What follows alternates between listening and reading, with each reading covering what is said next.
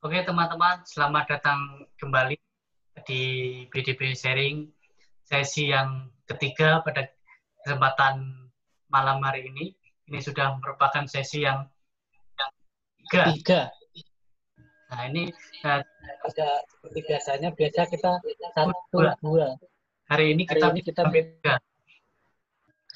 Ya, jadi ini uh, memang masyarakat kita saat ini sedang memerlukan ya apa literasi digital ini sendiri ya ilmu-ilmu tentang penggunaan media sosial ini sendiri.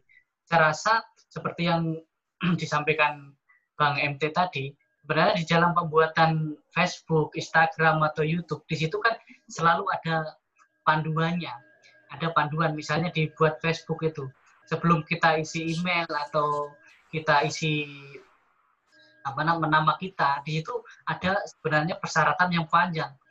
Nah, mungkin orang pertama mungkin males baca, yang kedua mungkin ini ya karena bahasa Inggris ada yang nggak ngerti juga kan.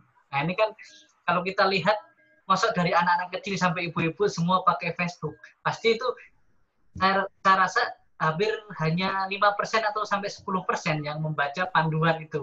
Panduan apa saja yang boleh, uh, undang-undangnya seperti apa, itu pasti.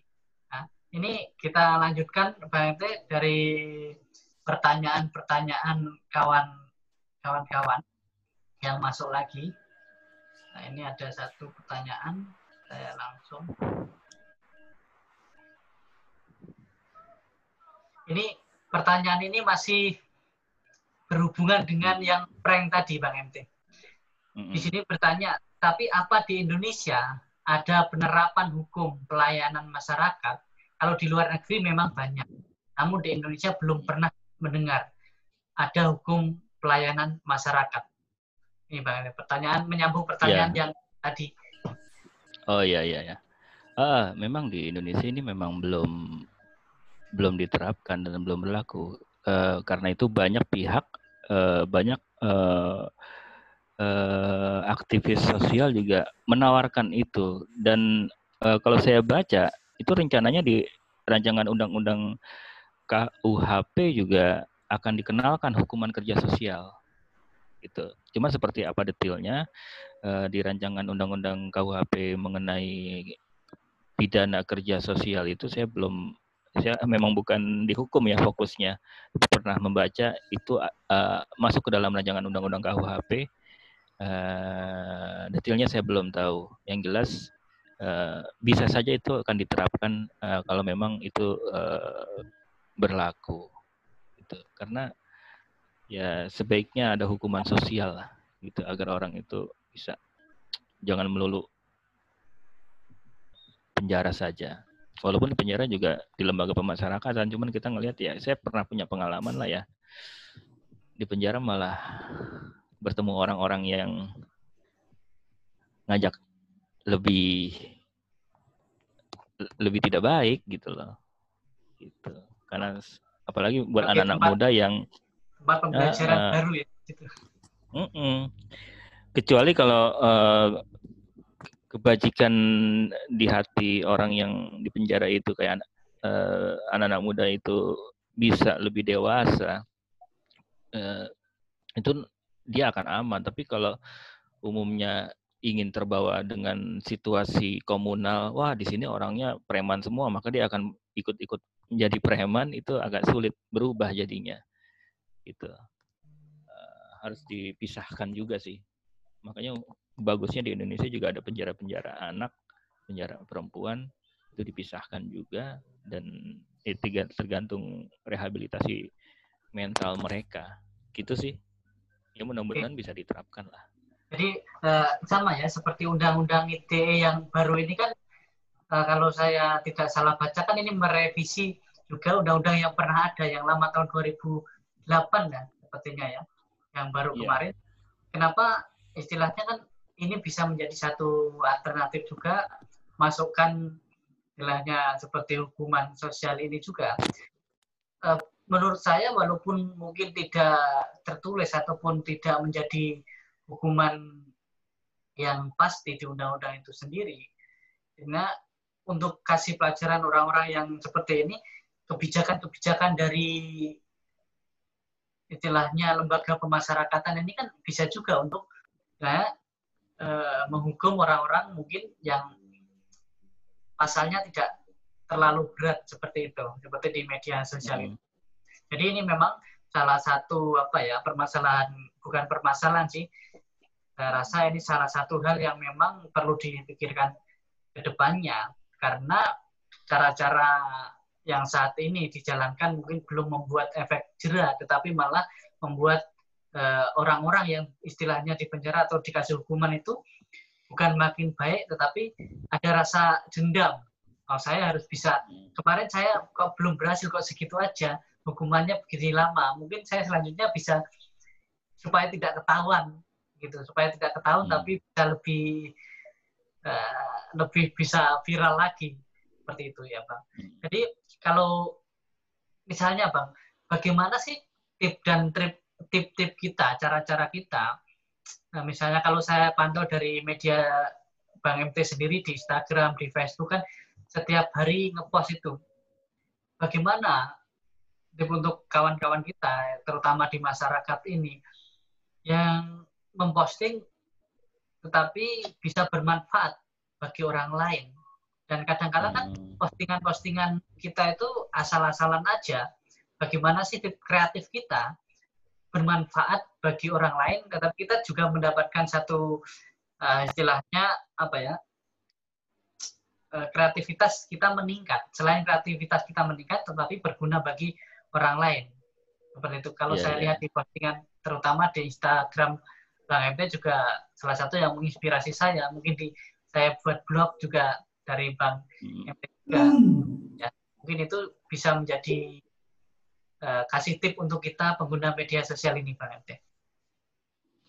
Iya, uh, kasih tips ya, Wah. Uh, ya sebenarnya sih kalau saya membedakan membedakan fungsinya sih. Kalau memang di Instagram uh, saya hampir uh, jarang membuat postingan-postingan yang sangat-sangat istilahnya apa ya? Ya, saya usahakan ini ada manfaatnya buat orang. Gitu. Sederhana apa pun, walaupun itu hanya sebatas lagu, tapi dari lagunya sebenarnya orang kalau memperhatikan liriknya itu ada pesan di lagu lagu orang membuat lagu itu kan karena ada pesannya atau video atau quote itu dan semuanya adalah yang saya lihat di sekitar jadi saya ketika membuat konten tuh nggak ngarang-ngarang mau bikin konten apa ya. Uh, lalu mikirin enggak itu capek banget kayak gitu. Jadi lihat aja ya misalkan oh kemarin ketemu supir taksi ngobrol tentang ini. Nah, itu kan dari obrolan itu ada ada ada masalah, ada yang harus dipecahkan eh, uh, gitu kan. Jadi dari situ, dari kehidupan sosial yang terjadi sebenarnya sumber konten semua, ya dengan ada ber, ber, berkomunikasi dengan orang lain itu akhirnya menjadi ide buat membuat konten gitu. Walaupun konten-konten yang lain ada juga yang kayak di Facebook. Facebook tuh saya lebih deskriptif biasanya, lebih panjang dan kadang-kadang kritik-kritik juga ditampilkan di Facebook lebih lugas gitu kan. Uh, baik mengkritik orang-orang yang dulu pro Jokowi, orang-orang yang dulu pro Prabowo ketika zaman ketika zaman pemilu kita uh, mengkritiknya karena mereka berlebihan dengan uh, uh, memaki-maki orang yang berbeda. Karena posisi saya adalah uh, saya ingin orang rakyat Indonesia menyelenggarakan pemilu dengan damai, nggak perlu saling gontok-gontokan, nggak perlu saling memaki, memfitnah gitu. Bisa kok pemilu kita jalanin kayak gitu. Itu sih akhirnya saya kritik lah kedua belah pihak yang akhirnya saya dianggap nggak punya pendirian. Hmm. sebenarnya kamu di mana sih posisinya? Kamu dukung siapa sih?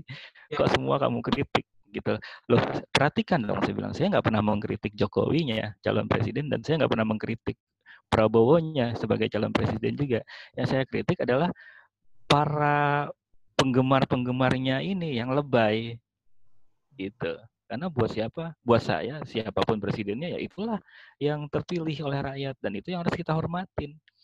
Gitu. Dia presiden saya ketika sudah diresmikan gitu dan saya akan menghormati dia sebagai presiden saya. Kalau prinsip saya kayak gitu saat itu.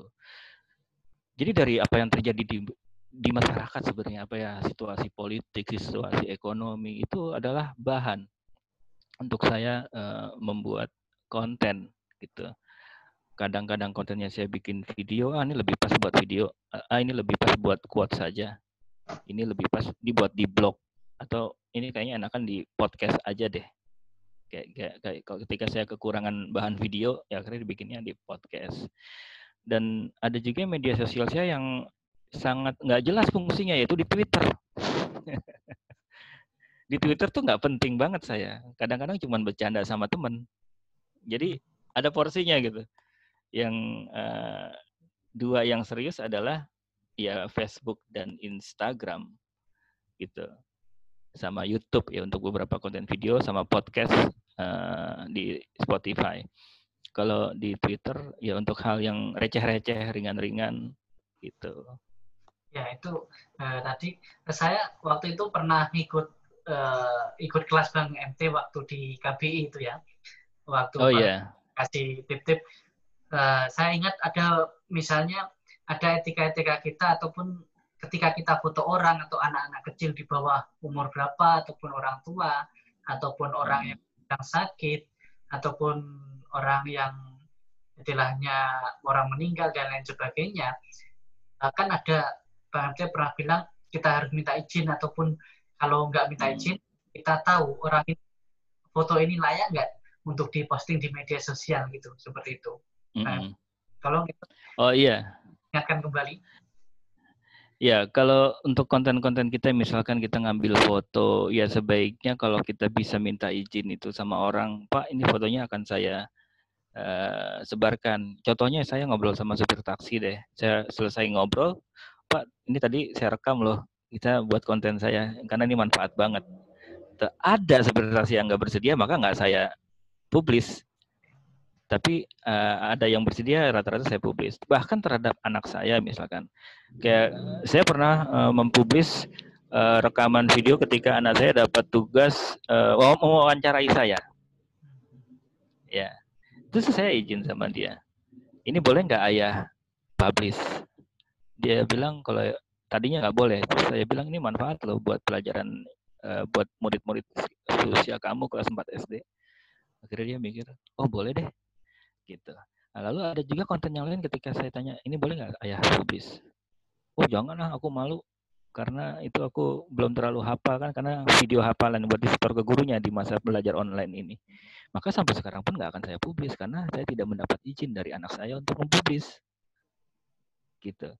Jadi penting banget kita mendapatkan konsen, mendapatkan izin dari orang yang ada di karya kita. Misalkan foto, lalu kita nggak sempat minta izin, ya diblurin aja. Kalau fotonya nggak jelas wajahnya, itu nggak masalah ya. Tapi kalau jelas, biasanya kalau saya saya blurin, saya, wajahnya saya ya biar nggak jelas lah itu orang siapa sebenarnya. Beda kalau itu public figure ya foto sama public figure. Dan da memang dalam kondisi foto-foto lagi selfie habis acara ya itu biasanya udah sama-sama tahu ini buat di medsos ya kan kayak gitu. Kayak gitu sih. Yang penting sih kita perlu jangan sampai konten kita itu dikomplain. Kesimpulannya sih gitu jangan sampai konten kita di jadi memberatkan orang, orang membuat malu orang di post ya. orang apalagi ya, sampai membuat malu orang lain. Itu, itu kan saya istilahnya belakangan ini kan sangat banyak sekali istilahnya karena kita peduli kepada orang lain dan lain sebagainya. Orang yang dalam kondisi mungkin uh, tidak apalah tidak pantas dilihat orang kan di media sosial kadang hanya niatnya mau cari simpati untuk orang yeah. lain tapi kalau yang difoto itu tahu udah pasti dia akan malu misalnya kan akan malu, malu.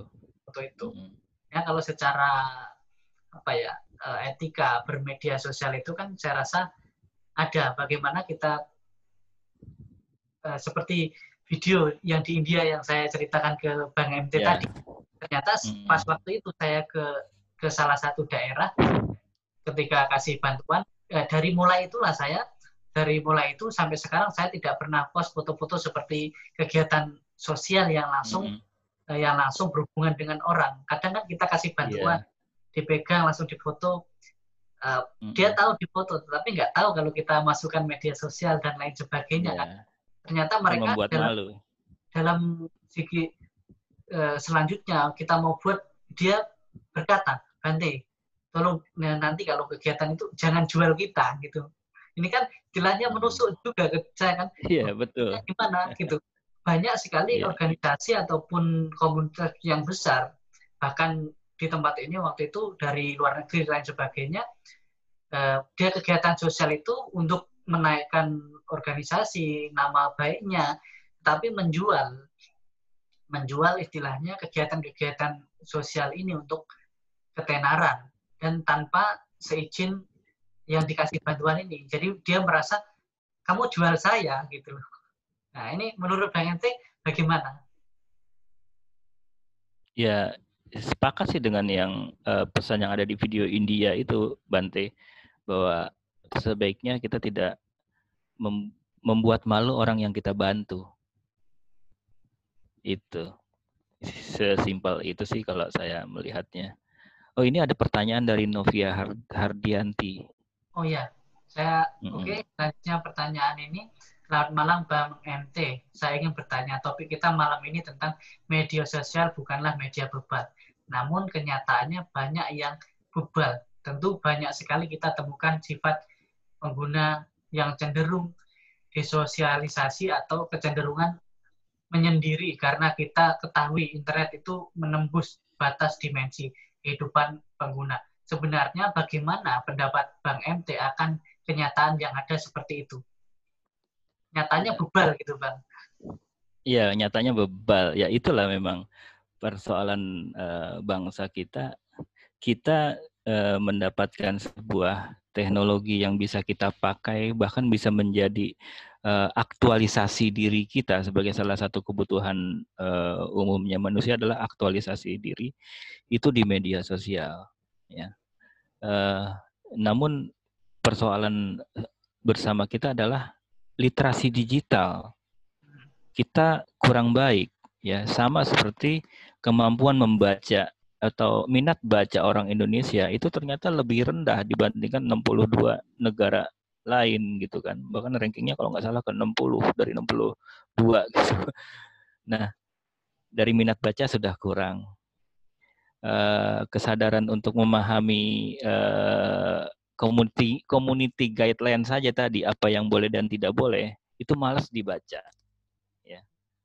Jadi dengan itulah akhirnya orang menganggap bahwa media sosial adalah gue dan gue bebas. Suka-suka gue yang punya akun adalah gue. Lo kalau lo nggak suka ya lo unfollow gue. Kan egois seperti itu.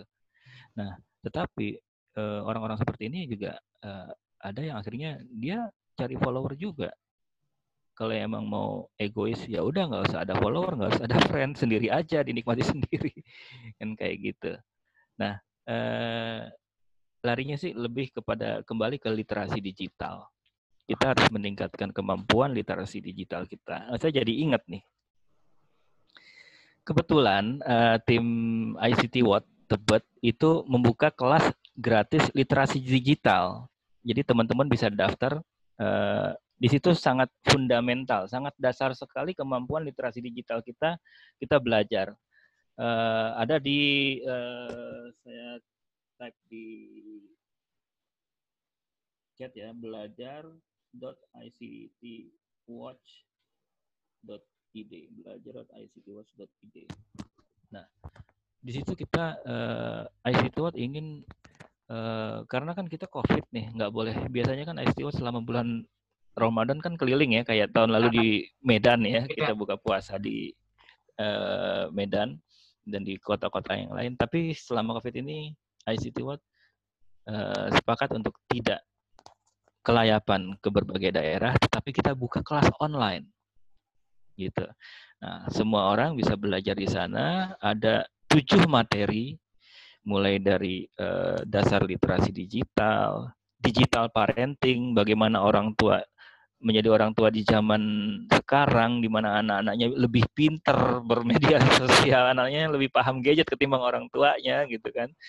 Lalu uh, tentang literasi digital radikal itu apa sih? Lalu tentang bagaimana aktivisme di media sosial, bagaimana membuat kampanye-kampanye yang efektif di media sosial. Ada juga tentang yang lebih penting nih, bagaimana menjaga privasi dan melindungi data pribadi kita di zaman sekarang. Terus juga bagaimana menjaga agar uh, handphone kita, kita menjaga melindungi handphone kita karena handphone kita ini sebenarnya pintu pertama untuk membuka privasi kita dan bagaimana kita bisa mengamankan hand, handphone kita. Dan terakhir materi ketujuh adalah bagaimana cara men-setting agar WhatsApp itu bisa bermanfaat lebih baik. Karena kan sekarang WhatsApp menjadi uh, media chatting yang populer ya, paling tinggi penggunaannya dan banyak juga hoax yang menyebar di sana dan ada edukasi. Nah, tujuh pelajaran itulah yang kita berikan di belajar.ictwatt.id. Untuk guru-guru ketika belajarnya selesai itu bisa mendapatkan sertifikat. Sertifikat ini ditandatangani oleh ICT Watt dan WhatsApp Asia Pasifik. WhatsApp, dan ya? juga di uh, WhatsApp-nya dan juga uh, uh, dirilis juga oleh Kementerian Kominfo. Ini dimulainya gitu. kapan? Untuk kapan saja. Oh, kapan? Itu waktunya bebas-bebas saja. Jadi tidak ada batas harus uh, bulan Mei, harus bulan Juni enggak. Jadi kapan pun kita punya waktu untuk belajar, belajar, ketika sudah selesai belajar, wah mau ujian, ya tinggal ikut ujian dan semuanya gratis. Gitu. Nah, itu yang kita berikan kepada teman-teman uh, agar lebih bisa lebih bijaksana agar tidak bebal bermedia sosial. Salah satunya adalah uh, meningkatkan literasi digital kita. Dan kami memberikan uh, ruang untuk belajar literasi digital di belajar.ictwatch.id gitu. Nanti bisa dipilih mau ada di platform digital mana. Yang jelas buka dari situ nanti kapan pun, nggak ada batas waktu. Ngerjain ini juga boleh malam, pagi, siang, karena kan online.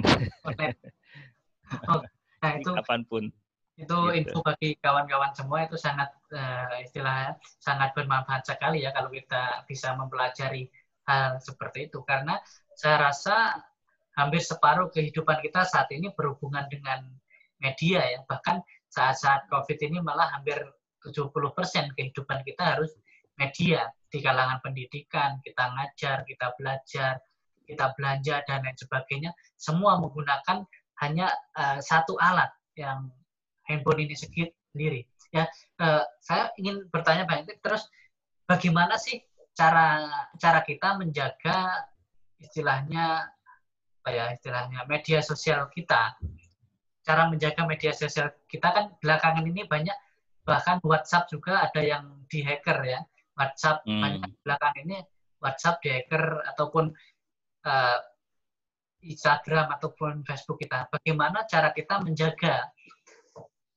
media sosial hmm. kita ataupun akun-akun yang ada di HP kita termasuk hmm. bank dan lain sebagainya kadang kan orang khawatir dengan hal itu. Bahkan Zoom ini yeah. sendiri istilahnya kan sangat rentan sekali seperti itu, Bang MT. Iya. Uh, yang perlu kita lakukan adalah autentifikasi dua faktor di WhatsApp, di HP kita, di akun-akun media sosial itu ada uh, two factor authentication. Itu penting ya. Uh, karena orang ketika mau masuk ke akun kita, dia akan minta uh, konfirmasi dari nomor SMS kita ataupun dari email kita. Email kita juga harus berlapis, jangan cuma media sosial yang di two factor atau authentication, tapi juga email. Di setel juga set uh, two factor authentication. Kayaknya kok ribet amat. Iya, demi keamanan kita memang harus ribet dulu. Tapi sekarang daripada nanti kita dihack kayak gitu. Itu sih uh, nyalakan fitur uh, two factor authentication, fingerprint uh, dan uh, segala macam layanan keamanan yang sudah uh, disediakan oleh platform. Dan satu hal saya jadi ingat uh, ini baru kemarin jangan gampang menerima pertemanan dan memberikan nomor telepon kepada orang yang belum kita kenal banget di media sosial. Dua hari yang lalu ada seorang uh, pengguna media sosial di Facebook yang melaporkan ke saya, Bang, saya mau lapor saya ada orang baru kenalan di Facebook, lalu dia minta nomor telepon saya, cewek bang. Akhirnya kami teleponan dan saya dirangsang, lalu kami video bukil.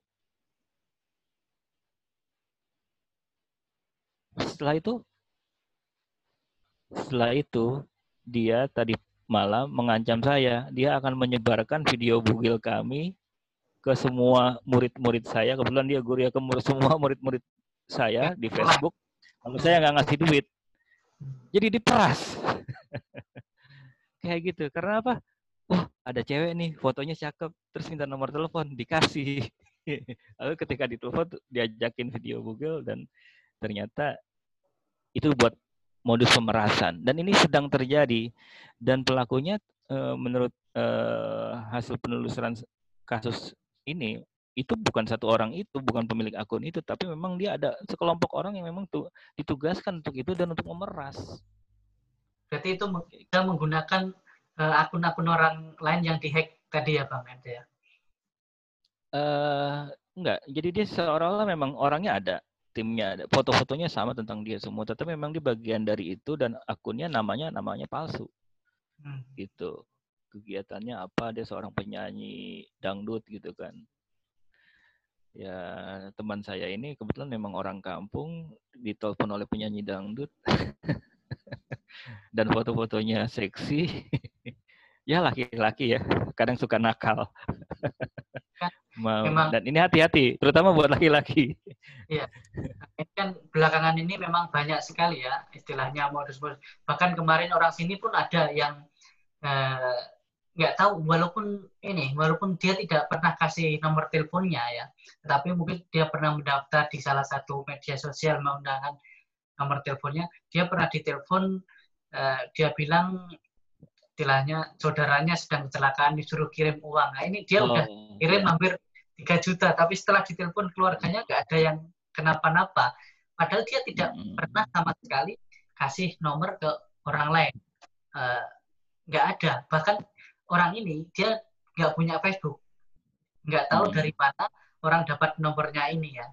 Nah itu hmm. uh, bisa dari mana? Kadang nomor-nomor kita itu terlacak dari oh, mana? Oh ya, itu pertama bisa acak, kedua kadang-kadang uh, memang database nomor kita itu sudah tersebar. Kadang-kadang kita lupa ketika kita ngisi registrasi kegiatan acara di mana, ketika ngisi pulsa kita tulis pulsa ya. gitu. Uh, uh, bisa ketika ngisi pulsa beli online. Itu kan bisa dijebol. Kemarin aja kan uh, salah satu marketplace kita jebol data pelanggannya kan. Kayak gitu. Dan itu banyak sebenarnya cara untuk menjebol kayak gitu yang sudah terjadi. Yang jelas uh, ketika kita mendapatkan nomor telepon dari orang yang nggak dikenal jangan ya tenang lah jangan gampang panik karena kalau udah panik itu gampang dibohongin, gampang ya, diprovokasi. Karena panik tadi dan dia mungkin belum belum pernah mm -hmm. mengalami itu kalau percaya begitu yeah. saja sih mungkin di SMS yeah. saya di HP saya ini yang saya dapat mobil lah, dapat rumah lah, dapat apa sangat banyak sekali ya. Tapi enggak saya. Iya, enggak. benar. Ini kan salah iya. satu memang kita inilah kurangnya literasi digital, pembelajaran hmm. dalam hal penggunaan media sosial ini saya rasa ya. saat ini uh, harus mulai kita sedikit-sedikit mempelajari lah. Bukan bukan berarti kita di kalangan oh saya kan tidak kerja di media sosial tidak, tetapi masyarakat dari lapisan terbawah pun sekarang menggunakan itu semua ya. Paling tidak kan WhatsApp di grup-grup WhatsApp itu juga bisa ternyata nomor kita dipakai orang juga kadang-kala. Hmm. Kemarin beberapa kalau di Medan ini Pak RT belakangan hmm. ini WA yang mereka hack nah, WA yeah, digunakan yeah. orang lain nah ini uh, mungkin perlu yang namanya literasi digital itu mempelajari bagaimana menjaga nah itu ada di tentang WA ada di belajar.ictwat.id itu Bante oh ya nanti uh, betul lah nanti kita akan sharing ke teman-teman teman-teman yang ikut uh, uh, hari ini saya juga. boleh sharing halamannya nggak boleh, boleh, silahkan. Itu ya, teman-teman yang ya, belum bisa. Teman-teman yang di sini bisa ikut bergabung ataupun teman-teman yang mendengar di YouTube channel BDP Sharing ataupun di hmm. BDP dan nanti bisa mengikuti pelatihan dan dari hmm. internet Indonesia. Ya, yang jelas ingat aja belajar. Belajar. Ya di belajar ictwatch.id. Itu ada di chat sudah ada kok. Oke, nanti kita langsung mendaftar di situ. Nah, ini mungkin merupakan salah satu kesempatan, bahkan ini satu bonus bagi iya. sesi kita malam hari ini, Bang MT. Iya. Ini malam. Dan nggak usah daftar, nggak usah daftar kartu prakerja. Nggak usah kartu kerja langsung di situ. Nggak usah bayar. Nggak usah bayar, tapi kita dapat loh. Nanti kita juga ketika kita kasih orang, wah oh, saya kan udah belajar di internet sehat gitu istilahnya. Iya. Kita udah tahu, kita bisa sharing ke yang lain. Ya seperti kita hmm. pada malam hari ini, kenapa saya hmm. uh, istilahnya ada kepikiran untuk media sosial karena belakangan ini sangat banyak bahkan hampir seluruh uh, masyarakat ini tiba-tiba melek media semua. Yang namanya nggak bisa iya. harus bisa semua, tetapi dia tidak tahu dan tidak melihat bagaimana cara-cara memakai media sosial itu. Nah, sampai ada yang kena pemerasan dan lain sebagainya. Apalagi ibu-ibu kan ditelepon, oh ini keluarganya jatuh sakit, kirimi uang segini kan, karena panik ya langsung dilakukan saja kan. Nah ini kan uh, pada sharing kita malam hari ini teman-teman yang mendengarkan di YouTube ataupun di podcast PDP nanti bisa mungkin yang mau langsung sharing dengan Bang MT bisa DM di Instagram, Instagramnya Matahari Timur dengan ejakan lama Timur ya Matahari Timur atau, karena orang lama saya. orang lama. Di tua. Matahari Timur nah, nanti dipantau di situ kegiatan Bang MT ataupun mau DM langsung tanya-tanya tentang etika-etika bermedia sosial cara menjaga uh, data pribadi kita dan lain sebagainya bagaimana cara melaporkan ketika media sosial kita sedang hack atau hang sedang error ataupun sedang dihack orang seperti Instagram saya eh, tahun lalu juga pernah di oh, iya. dan lama-lama ternyata enam bulan kemudian ya baru ditutup oleh pihak nah, Instagram Facebook. Eh Instagram lama sekali. Iya, hampir enam bulan, mungkin eh, dua satu bulan yang lalu baru ditutup. Itu ada laporan eh, ke email waktu itu kan. Nah, jadi hmm. ini ternyata di media sosial itu sekarang kehidupan kita yang kedua istilahnya kita punya kehidupan yang nyata, kita punya kehidupan yang maya.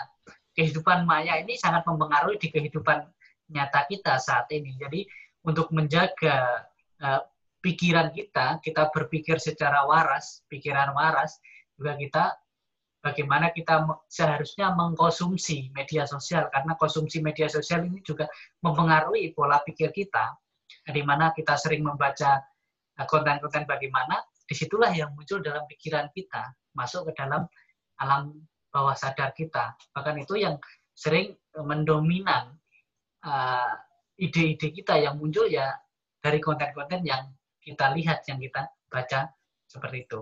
Oke, Bang MT, uh, yeah. saya ucapkan selamat terima kasih sekali untuk bisa bergabung dengan kita malam hari ini. Ya, ini merupakan salah satu kesempatan yang berharga bagi kita yang di sini.